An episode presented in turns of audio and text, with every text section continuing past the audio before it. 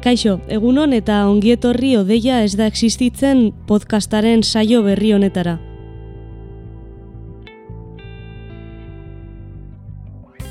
Gaurko honetan hezkuntza burujabearen inguruan arituko gara eta horretarako besteak beste inigo gebara eukiko dugu gurekin. Baina lehenengo, zergatik da garrantzitsua Euskal Herrian hezkuntza burujabearen inguruan hausnartzea.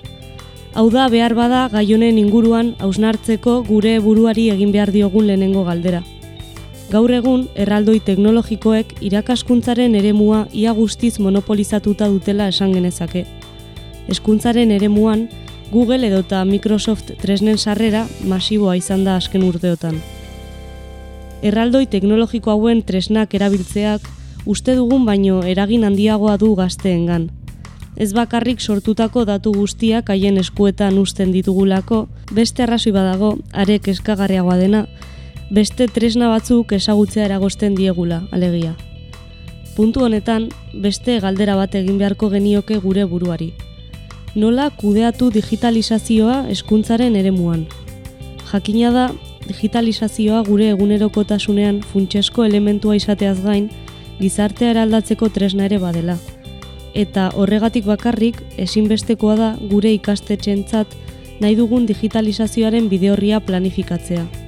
Izan ere, erraldoi teknologikoek eskura jartzen dizkiguten tresnak erabiltzearen arrazoi nagusietako bat, digitalizatzeko beharrari erantzuteko plangintza zehatzik ez edukitzea da. Azken urteotan, Google eta Microsoft tresneraldeko apustu garbia egin da. Gaur egun, errealitate hori aldatzeko lanean ari diren taldeak daude, eta hemen garrantzi nabarmena du adibidez eskuntzan librezale taldeak.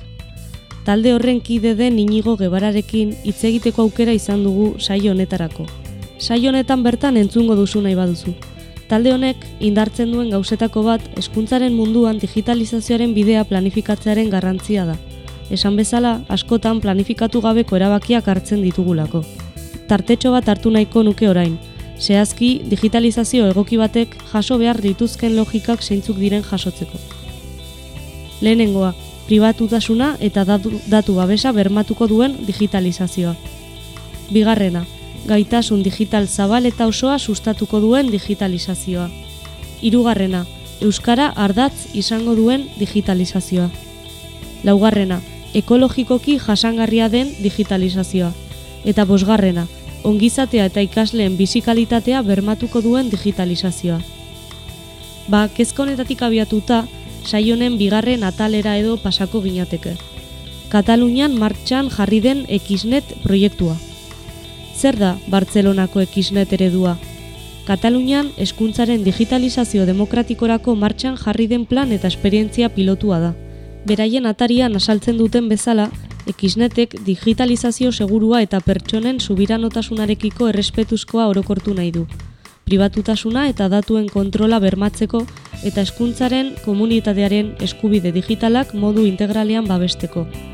Azken finean, normalean erabiltzen diren Google edota Microsoft tresnei alternatibak eskaintzea da helburua. Proiektuaren helburua besteak beste, giza eskubideak errespetatzen dituzten norberaren zerbitzariak edo besteenak hartzea da. Alternatiba hauen artean aurkitzen ditugu Nextcloud, Moodle, Big Baton eta Hitchi besteak beste. Helburua beti ere ikastetxeen beharretara hurbiltzea da.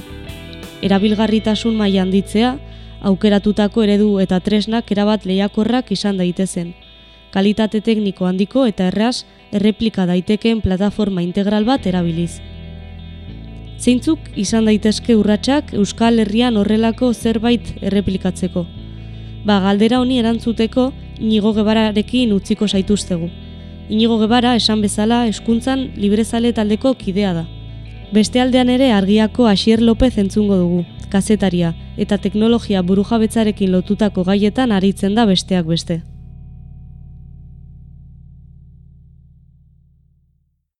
Ego Euskal Herriko ikastetxe publikoak Google edo Microsoftena dira. Irakasle, ikasle eta gurasoen artean partekatzen den informazio publiko zein pribatuaren gehiengo i absolutua Amerikako estatu bototako multinazionalien zerbitzaritan dago eta hien software edo programa itxien bitartez eh, kudeatzen da. Google Drive, Gmail, Hangout, Meet, Chrome, Classroom, Kalendar eta abar luze bat, behintzat Google'i dagokionez. Eta bere buruaren jabe izan nahi duen norbaintentzat ez da edo ez tomaten sobia puntu polita denik. Baina bada egoera hori, iraili, irauli nahi duen jendea eta proposamen eta, zea, eta proiektu zehatzak sortzen nahi dena. Eta bien artean nabarmentzekoa da, eskuntzan librezale taldea, eta gaur ba, inigo gebara taldekiderekin itzen dugu eta hortaz eta hartaz. Atxaldeon, edo Atxaldeon. egunon, edo gabon, auskalan zeintzuten den podcasta. Txaldeon, bai. Hain gordin alda egoera, esan bezala. Esan bezala, egoera oso gordina da. E, gaur egun ikastetxeen euneko haundi, haundi, haundi batean edo gehienetan edo guztietan esango nuke bai Microsoft edo Googleen ba, aplikazioak erabiltzen direla eta eta hori horrela da. Bai ikastetxe publikoetan eta esango nuke pribatuetan ere bai. Oso ondo asmatu dute enpresa hauek e, e, hezkuntzaren negozioan sartzen eta badirudi ba oparitzen dituztela haien produktuak, baina baina denek badakigu zerrekin pagatzen ditugun, ez? E, aplikazio edo tresna horiek. Hezkuntza publikoak diru publikoarekin ordaindutakoa jabetza publikoa sustatzen ditu. Ustez. Orduan nola utzi dugu prozesu horretan negozio pribatuak hain barruraino sartzen. Bueno, beste hainbat gauzetan bezala nik uste dut e, gobernu, azken gobernuek e, beti privatizazioaren alde egin dutela, ez? Naiz eta haien haien ba, ba diskurtsoa edo kontrakoa izan edo beste gauza bat saldu nahi duten, ba jangelekin egin duten bezala, e, garbiketarekin egin duten bezala, gauza guzti hauek privatizatzea haientzako ba, negozio hobea dela ematen du edo edo praktikoagoa da edo ez dakit. Eta eta bide horretan ere digitalizazioarekin berdin jokatu da. Gainera, e, kasu askotan, Googleen kasuan behintzat, e, ez zaienean dirurik kostatu, diru, dirua eskudirutan edo, edo diru ageririk kostatu. Hmm. Microsoften kasuan bai e, diru asko pagatu da eta kontratu kontratu itzelak ditu potolak, Eusko Jaurlaritzak Microsoftekin, baina baina bueno, e, ba, bide horretan ere digitalizazioan prozesu bera bera jasaten ari gara. Baina, azpi kontratazioaren kontua oso zabalduta badago hontan ez dakit pertzezioa bera, bera den. Ez? E, Coca-Cola makina bat e, jantokian jartzea, edo jantokiak kudeatzea enpresa pribatu batek, ba, baian hobeto lotzen du horrekin. Baina hau, da, ematen du, normaltasun osoz, agian, etxean ere, edo beste esparrutan, normaltasun osoz edo planteatu gabe, erabiltzen ditugulako, e, bueno, ze, programa eta zerbitzu horiek, ez da? Bai, e, gure kasuan ba, ba hori da handicap bat, ez? Azkenean e, jendeak hainbeste erabiltzen ditu, enpresa hauek oso ondo jakin dute bai hezkuntzan sartzen, baina baita gure bizitzetan gu konturatu gabe e, modu doakotasun horrek ematen duen arrestasun horrekin, ez? Eskaintzen dizkigute tresna pila bat, uste dugu ez dugula pagatzen, pagatzen dugu gure datuekin, publizitatearekin eta bar, baina baina sartu dizkigute hain barruraino eta egunerokoan hainbeste erabiltzen ditugu, zeinen hezkuntzan sartu denean ere, ba, ba naturaltasunez eh, asimilatu ditugu, ez? Eta eta hori bai da handicap bat. Nik uste dut ba, beste esparru batean esango bagenu ba, McDonald'sek eh, jangela kudeatuko dituela mundu guztiak e, burura eramango lituzkela eskuak, baina bai- baina Google eta Microsoft antzeko antzeko enpresak dira. Mhm. e, gure datuekin eta gainera datu oso oso sensibleekin lan egiten dutena gaur egun, ikasleen datu sensibleekin eta eta irentsi egin dugu. Irentsi egin dugu bai irakasleok, bai gurasook eta eta bai komunitate osoak e, ba, konturatu gabe edo iritsi gara puntu honetara eta eta arazo larria bada. zuek hori egoera aldatzeko eta hobetzeko teknologia burujabetzaz mintzo zarete, gero eta hitz ezagunagoa dana, baina hezkuntzan zer esan nahi du teknologia burujabetzak, zuen ustez? Teknologia buru jabetzak esan nahi du, e, azteko, bueno, orain arte, edo duela hamar bat urte arte, arazoa litzateke, ba, software, erabiltzen den softwarea, ez, ez izatea irikia, eta horrek zekarrena, ba, ba, bueno, ez ezagutzea software hori, edo zertako erabiltzen zen, nola funtzionatzen zuen. Eta bazituen implikazio batzuk, larriak ere, baina gaur egun software horrek egiten duena da datuekin. Datuekin jolasten du edo datu, datuak maneiatzen ditu. Ikasleen datu sensible guztia bain notako harrak gurasoekiko komunikazioa guzti hori. Eta eta orduan ba, ba teknologia buru jabetza horrek ze esan nahi du teknologia hori gure esku egongo litzatekeela gure zerbitzarietan edo gure ordenagailutan, ez? Askotan jendeak uste du horre dagola lainoa edo edo deia, ez? Eta hor daudela gure datuak ez dakitegan nunbait, baina horiek enpresen enpresen ordenagailuak dira, Orduan teknologia buruz jabetza gaur egun ulertzen duguna batez ere litzateke, bai programa horiek guk egitea edo software askearekin egitea, gardenak izatea, jakitea zer egiten duen programa horrek, zer egiten duen gure datuekin, nola funtzionatzen duen, zertarako erabiltzen diren datu horiek, eta datu horiek gainera ez egotea enpresa pribatu hemen be, baizik eta eta gure zerbitzarietan edo edo Eusko Jaurlaritzaren zerbitzarietan kasu honetan egongo liratekenak, ez? Hmm. Software librea, Linux, bu, tresna ez ezagunak, dena hankaz gora jarri, hori mobida handi bada, esango dizute, edo entzungo zenuten. Bai, entzuten dugu, entzuten dugu askotan, eta hori da argudio, argudio bat. Bueno, nik uste dut, e, baudela arrazoi nahikoa, e, argudio horiek mespretxagarriak izateko, naiz zailagoa izan zitekeen, naiz gauza berria izan zitekeen, ez dela egia, nik uste dut ez dela egia, e, demostratu dugu, bai urte hauetan jarri ditugun ez guk ezaritako proiektuak, baina badaude proiektuak eskoletan, eta eta nik lan egiten duen eskolan badena Linuxekin funtzionatzen da, ez dago inongo arazorik, gaur egun ez da inongo aditua izan behar horrelako horrelako tresnak, tresnak erabiltzeko, eta Eta, bueno, azkenean da argudio bat, ez? E, ematen dizutena, ba, zaiagoa dela, e, dena hankazgora jartzea dela, baina egunero iristen ditugu, ba, duela bosturteko Windows eta gaur egungo Windows ez dire berdinak, duela bosturteko Googleen aplikazioak eta gaur egungoak ez dira berdinak, aldatzen joaten dira eta ohitu egiten gara. Eta ikasleak areta azkarrago hitzen dira, e, aldaketetara, ez? Hmm. E, mundu hau oso azkar aldatzen da, eta eta aldaketei ohitzea hori da behar duguna, ez? E, ikasleak edo zein plataformatan ondo moldatzea. Hmm. Eta azkenean, ba, plataforma hauek besteak bezala, ba, erabilgarriak dira eta eta ez daukate ez daukate inongo arazorik. Beti da, ba, entzuten denean Linux eta hola, ba, ematen du dela zerbait oso zaila, baina baina praktikan erakutsi dugu ez dela zaila. Diru publikoa, kode publikoa. Alegia, eskuntza zari garitz egiten, baina, bueno, ez da bai da beste esparru batzutera eraman genezake, eta ustut, egoera ere ez dela beste, bueno, so beste lakoa. Hemen, nahiz da badairen beste aukera. Diru publikoa, kode publikoa barko luke? Diru publikoa dutako guztia? Hau ja pixka ateratzen da ez ezkuntza libre zalere zeratik, nik nire iritzia esango ditut, eta bai. uste dut gehien hon iritzia gure taldean behintzat ala izan beharko lukela, ez? E, inbertitzen diren den diru hori e, aplikaziotan eta bar zen ze dirutza inbertitzen den eta, eta kode hori hor geratzen da bakarrik aplikazioetan erabiltzeko ez dauka inongo, gizartearentzako beste hmm. onura edo ekar zezaken beste onura, guk besteen kodea bai hartzen dugu, ez? E, zorionez beste gobernu batzuk eta batez ere beste jende batek egiten duen kodea eta lana eta kode ireki hori gure onurak hartzen dugu, ze, ze badirudi ere dena privatiboa dela, baina askotan software librea ere konturatu gabe bai, erabiltzen egiten dugu. Bai, bai. Beste hitz potolo bat, e, eta inkluso esango nuke magikoa da digitalizazioa. Orain dena digitalizatu egin behar da. E, bankuak izten dira, ba, konponbia delako, digitalki kudeak eta guztiak egitea, eta hori bezala, ba, esparruaren, esabitzaren esparruia gehienetan.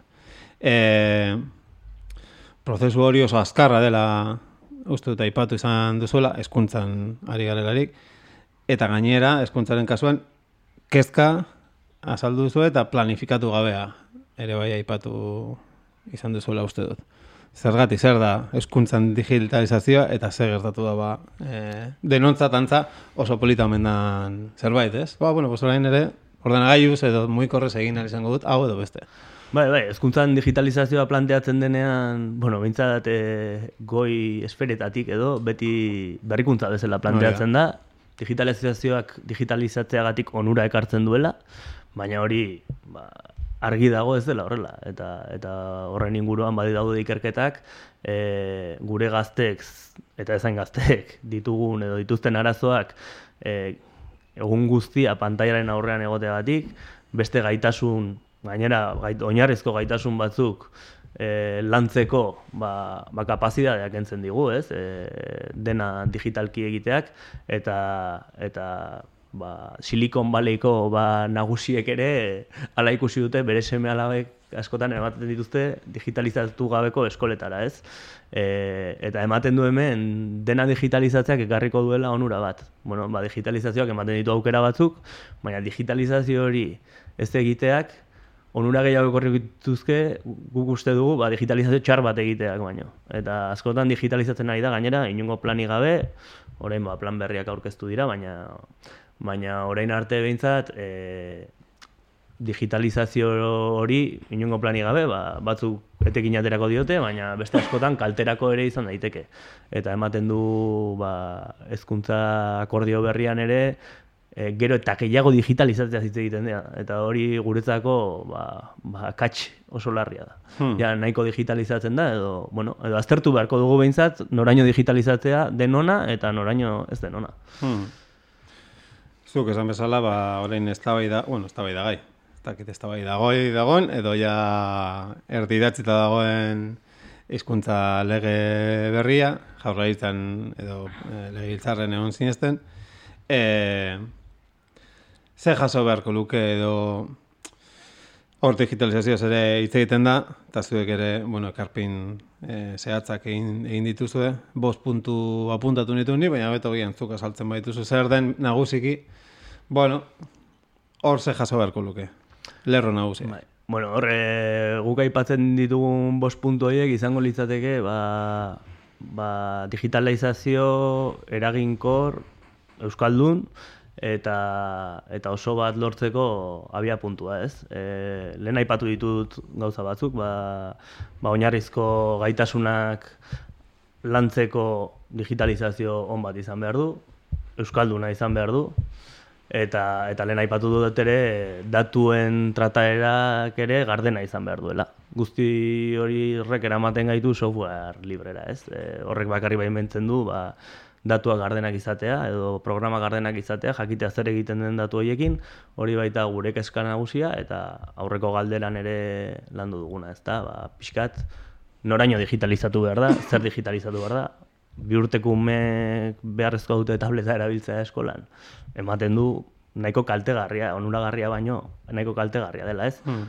Ba, ba, horri buruz hausun hartzea, azteko, eta eta horrekin jarraitzea. Eta gero gure best, beste kezka, kezka iturri bat bada, ba, nola, bai, hainbeste agenda hogeita mar, eta hitz egiten dugun, eta eta nola xautzen den materiala, e, ordenagailu berriak, etengabe ba, software libreak bai uste dugu ba, material hori erren bizitza luzatzeko balio duela. Eta askotan apostua da, ba, orain Europako funtsak iritsi direnez, ez dakitzen bat milioi ordena gaiu erostea, denak berriak, e, eta laurteko bizitza daukiko dutenak. Well, ikusia, Chromebookak eta, eta baita PC-ak, baina denak ba, laurterako, ez da? Iru edo laurterako.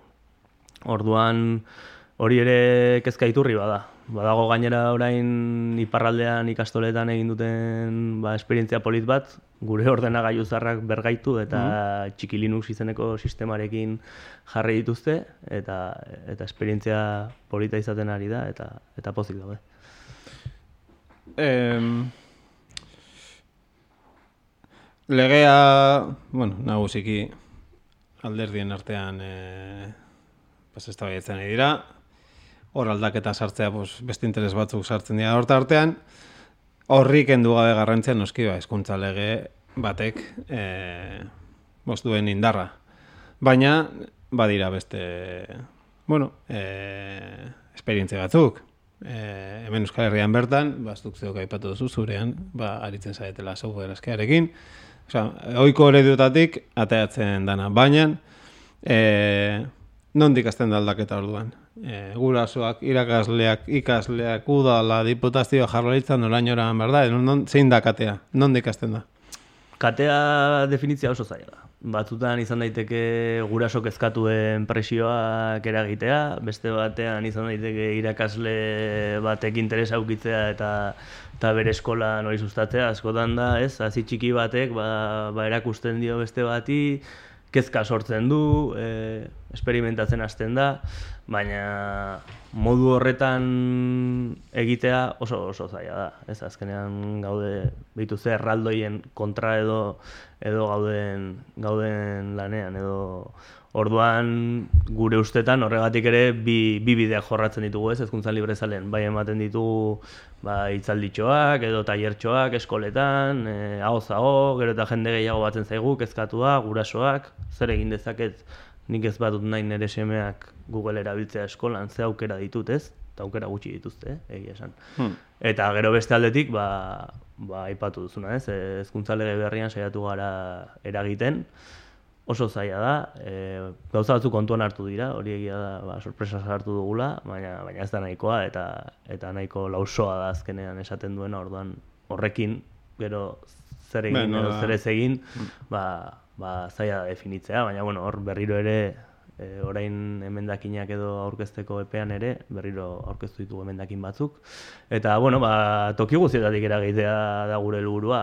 Ba, ba, esperientziak partekatuz, e, ale txikiak sortuz, ba, berritzegune batzuk horren apostu egin dutenak, edo, hmm. ba, bueno, poliki-poliki eredu hori zabaltzen hasi da, egia da, gero eta traba gehiago ditugula. Claro, Chromebookak iristen dira eskoletara, horrezin da ez den instalatu, ja plataforma Eusko Jarlaritzak esaten dizu Microsoft edo Google erabili behar duzula, zuzenean, ez dizu beste aukerarik ematen, beraz, e, trampatxoak egiten ibiltzen gara. Ba, ordenagailuak ez dakit nola borratuz, edo alden bezala beste plataforma batzuk erabiliz, ba, erabiltzaileak gurutzatuz, edo aldugun bezala, ez? E, eta, eta bai somatu dugu lehentzela pixka bat, bueno, utzi ezu oiei egiten nahi dutena, ez digu lagunduko, baina, bueno, hor daude, eta eta azken urteetan bai pixka kontrako jarrerak topatu ditugu, edo, edo gero eta traba gehiago jartzen dizkigutela. Hori, nekaen apuntauta, baina ne, aipatu esunan hildotik. Hagen galdera retorikoa da, baina hori legal alda. Esan nahi dut, eh, e, beste zein motatako obrak, proiektuak eta bar, licitazioak ateratzen dira, orkesten dira proiektuak, eta orduan, pues, horren artean aukeratzen da, irizpide batzun arabera. Hemen, dirutza mugitzen bada ere, Microsoftekin aspaldiko harremana da, eta Google sartu da, ba, ateak irekita ez, e, urrengoa baina hor ez dakite egondan non baiten, de, bueno, azterketa bat egin dugu, aukerak hauek dira, eta bale, irabazi dugu golek, irizpide guen arabera. Esango nuke... Bueno, esango nuke, ez? Etxala lehi, etxala trampa esaten dena nik uste dut e, hortik jokatzen dutela. Baina, bai, egia da, pinungo momentuan ez dela mai gainean beste aukerari jartzeko aukerarik egon. Eta eta ez, da, ez dakit, ez dakit ze punturaino legala den, egia esan... Bueno, autu politiko da. Autu politiko da, bai, bai argieta gara. Gero, baleabidez, lehen ez dizu, galdetu baleabidez ere itziten zenuten, ze eh, ja, eh, legebiltzarren egon zinetenean aipatu zenuten, eta gai honetan agian, salgo espenetako bada, eh, gai garrantzitsu baldin bada, denok eh, eskuntza prozesuan erabiltzen ditugun tresnak, gero eta presentzia handiago dakaten gainera, ba horren gaineko ardura duen pertsona, edo pertsonak, pues batzutan, e, zera, e, gimnasiako irakasle izatea. Ba, tokatu zaizulako, ez dagolako bestinan. E, hori, hori, ez dakit beste arlotan gertatzen den, baina hainbesteko piso baldimaka digitalizazioa, horrekin lotutako baliabideak ere on giza baliabideak kasu honetan, baina besteak ere bai. Bai, giza baliabide aldetik argi dago, ba, hor utxune, utxune galanta dagoela. E, ez dago prestakuntza hola berezirik, bueno, esango dizute bai ez, prestakuntzaren bat egiten dela, baina baina ez da nahikoa, eta, eta alde batetik, zenolako digitalizazioa nahi dugun, eskola bakoitzean, erabakiko duen pertsona bat, e, hori izan daitekela pedagogo edo irakasle ba, zera ez, e, profila edo eskatuko genuke, baina mm. baita teknikari bat zeinek trasteatuko duen, e, konponduko duen eta gure beharrak asetuko dituen. Gaur egun lan guzti hori pertsona bakarrak egiten du eta zuk esan duzu bezala izan daiteke gorputz hezkuntzako irakaslea, e, musikako irakaslea edo tokatu zaiona, pixka eta ordenagailuekin ibiltzea gustatzen mm. zaiolako besterik gabe. Eta eta kasu askotan jende honek sustatu du Google azkenean zergatik ba errexena bai. errexena izan delako edo errexen jarri diotelako hori erabiltzea ez errexagoa delako berez baizik eta formakuntzak antolatu dituztelako Eusko Jaurlaritzaren aldetik e, Google formakuntza, Microsoft formakuntzak eta guzti hori Eusko Jaurlaritzatik eta berritzegunetatik zabaldutako e, hmm. tresnak dira. Ez dauka errua tokatu zaionari ba hori esan badiote, ba zergatik ez, hori erabili ez. Oso aldunduta egon behar duzu agian eh, hortik atateko ez? Bai, bai, azkenean aldunduta, informatuta, e, ez da gai bat kalean dagoena ba. pilpilean, e, eta hori da oztopo askotan, ez? E, hmm. Guretzako gaur usta importantea da, baina badakigu e, oroar e, gizartean ez dela ba, lehenengo mailako gai bat edo, edo pixkat, nola azpitik doan, ba, ba garrantzi handirik ematen ez zaiona eta eta jendea alduntzea, ba hori da gure gure helburuetako bat. Zaio garrantzia ematen agian hemen, beste zenbait lekutan badia beste adibide batzuk. Bueno, neko interesgarriak, ez? Eh, legebiltzarren berdan batzuk aipatu zen duten, ba, Alemaniak berak eh, erabaki dula eskoletatik eh, Google, Apple, Microsoft eta bueno, haien zerbitzuak ez erabiltzea hori hemen pentsa bueno, kontrako bidea dana, edo Frantzako gobernua ministerioetan e, ba, en escloud edo ez dakizte, ba, e, baina gian eskuntza aldetik interesgarrena, bueno, interesgarrena, interesgarria dana, eta gertutasuna batik, e, bueno, eredu txiki bat izan daitekena da, Bartzelonan e, egin dutena. Bai, horre Katalunia aldean juntatu zian guraso talde bat, gai honekin kezkatuak zeudenak, eta kontaktatu zuten ekisnetekin, handagoen elkarte batekin. Eta, ba hori ez, konturatu ziren, bere hien seme alabe Google erabiltzen zutela, inongo baimenik sinatu gabe, edo batzutan bai, baimena sinatuta, baina, baina zergatik erabili bartuten ez. Eta, bueno, martxan jarri ziren, eta hasiera batean ematen zuen Kataluniako gobernuarekin akordio batera iritsiko zirela, baina azkenean Kataluniako gobernuak ere Googleekin sinatu zuen, eta eta hori bertan bera geratu zen. Eta Barcelona irian bertan, bai udaletxearekin lortu zuten finantziazio bat, ba, Googleen ekosistema edo e, replikatzen zuen software libreko beste ekosistema bat hmm. sortzeko beraien beharretara egokitzen zena, e, haiengo zerbitzari seguruetan egongo zena, ze beti ez du izan behar gure zerbitzaria, baizik eta enpresa bai. batek zerbitzari seguruak eskaintzen baditu, ba, enpresa hori kontratatu eta eta ez legoke erazurik, ez? Eta orduan programa piloto bat egin dute aurten, ustut Bartzenako ez dakit edo bost eskoletan e, software honekin, bai, lainoan lan egiteko ba, Google Drive, emaila, bueno, Moodle librea dena, hmm. ba, Classroom, Classroom. ordezkatzen duena, edo edo lako tresnekin egin dute dena bat eta eta datorren urtean ba, Kataluniako beste zenbait eskoletara zabaldu zabaltzeko asmoa dutena. Eh, antolatzaileetako bati, eh, bueno, Xneteko buru segurazki eh, Levi, Erakurri dut, e, Europako errekonkista digitalaren hasiera dala, nahiko hitz e, potola dira, baina gero ikusten duzu, e, zenba balio izan duen, egun berrogei mila euro gastatu ditu udalak. Barcelona bezalako, e, udal batentzat, mm, ba, hau da, hitz egiten du kriston aldak eta izango liru bezala, baina gero realitatean, mm, bueno, ez, ez dirudi, e, borondate politikoa besterik ez dela, esan nahi nuen agian. Horrek argi uzten du, dirua ez dela arazo. E, arazoa da borondate politikoa, interesak eta eta eta olakoak. Edo ez jakintasuna batzutan, eh? nik uste dut ere hor, Hmm. e, badagoela. E, borondateaz gain, baina Baina bai, bai, e, olako proiektu potolo bat, ba, unda berrogei mila eurokin egiten bada, e, lizentzietan ez dakit zema pagatzen den urtean, baina askoz, askoz, askoz gehiago. Eta, eta bueno, azkenean hori egina dago, librea da, eta hori bakarrik egokitu beharko litzateke, eta hemengo zerbitzariak pagatu ez, ematen du, zerbitzariak ezin dira pagatu, oparitzen dizkigutelako, baina, baina zerbitzariak pagatu egin behar dira, eta eta dirua, ba, kasu horretan euskeria bada, ez, da, ez litzateke izango e, zea publiko guztian ez litzateke euskeri izango, baina, baina bueno, ez dut uste gaur egun gastatzen denaren askoz gehiago edo segurazki Hmm. gutxiago izango izango zela. Eta gero ere bada beste puntua torrena behintzen nik ikusi duenean, eta azpimarratu dutela, eta agian beste buru jabetza batean ezagunago egiten zaigun kontzeptua kilometro zero. Elikadura buru jabetzan askotan aipatzen dena, bas, bertokoa kontsumitu, garaikoa eta bar, eta batez ere inguruko e, ekoizle, ekoizleak babesteko. Eta honetan ere, ba, hor aritu direnak, dena dira e, Bartolonako, kasuntan enpresa batzuk garatu dituzte hoie, baina gero tartean egon direna dira, pues, bueno, gura solkarte tartean, e, eragile guztia zian, e, Bartolonakoak.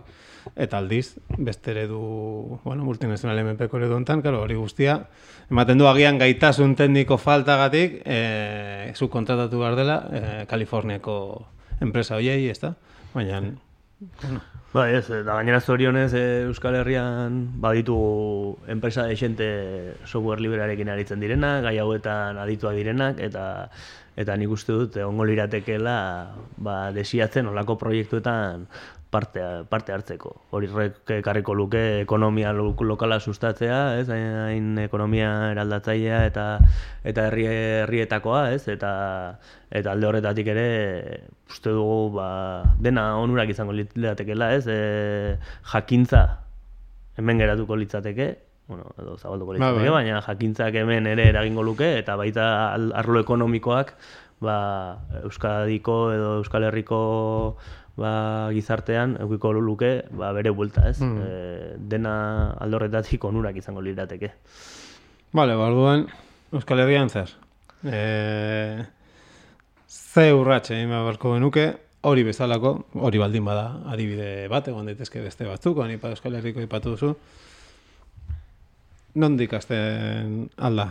Alegia makro legea borrokatu behar da, kasu honetan hezkuntza legea nor baemetzeko, edo kezka duen jendea maila lokaletik, nondik hasi?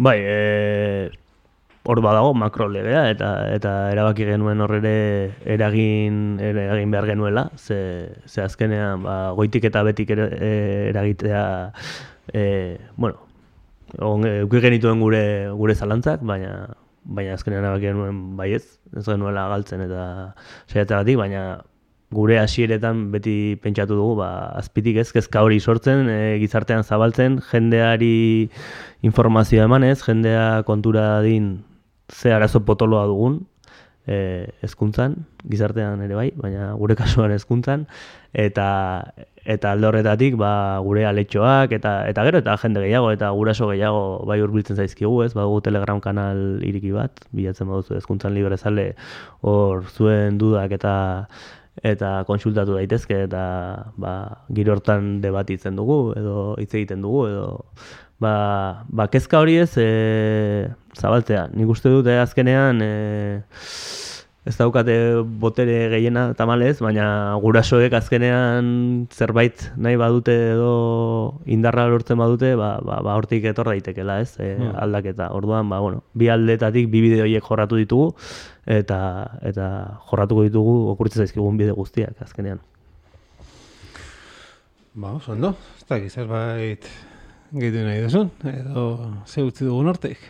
Ez, uste dut, e, nahiko eta zabalitze egin dugula, eskertzea Bai. ona gonbidatzeagatik, eta, eta hori, jendea kezka badu edo animatzea Telegram kanalean sartzera, edo ezkuntza arroba librezale.eu zelbidera idaztera, e, edozein dudarekin, edo nahi badute hau esplikatzea jutea ba, edozein herritara edo Mhm. eskoletara, ba, ba, saiatzen gara, edo aldugun einean, ze azkenean talde bat gara ez daukagu hola, inongo antolakuntza ofizialik, baina, baina taldean biltzen gara, edo lagundu nahi duenak, ba, ba, gu prest, eta eta hori. Ba, ondo, eskerrik asko, ino. Ba. Rengo arte. Mi esker, horrengo arte.